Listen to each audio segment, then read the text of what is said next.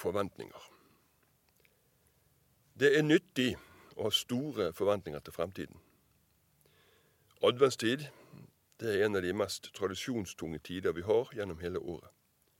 Ordet advent er fra latin og betyr 'det som kommer'. En ventetid mot jul og en forventningstid mot alt det som tradisjonelt skal skje. Og tradisjonene er der i rikt monn gjennom disse fire ukene og fire adventssøndagene. Vi tenner lys, vi leser eller synger de faste tekstene. Lille servietter hører tiden til. Adventskalender, julenek, kastene med pynt hentes fra kjeller og loft. Vi vet på mange måter hva som skal til år etter år. Så på ett vis så er jo ingenting nytt.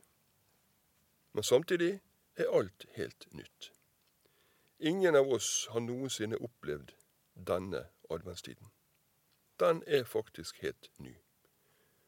Og siden våre liv er i kontinuerlig endring, bærer vi siste års bagasje og hendelser med oss inn i desember, og den kan derfor aldri bli lik julemåneden i fjor.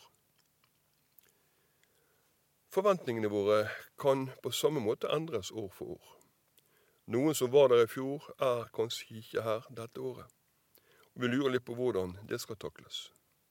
Familien kan ha endret seg, noen skal for første gang feire høytid uten barna rundt seg.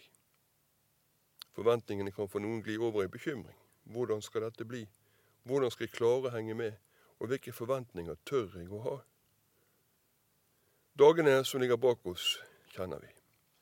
Morgendagen og ukene som kommer, er helt nye. Dagene som venter oss, farges og gis innhold, alt etter hvilke forventninger vi har. Derfor er det jo en særdeles nyttig øvelse å svære forventninger til fremtiden. Selvsagt er ikke vi herre over alt som kommer til å skje. Men om vi forventer oss dårlige dager, så kan vi fort leite etter det negative. Og det blir lett en sånn selvoppfyllende profeti.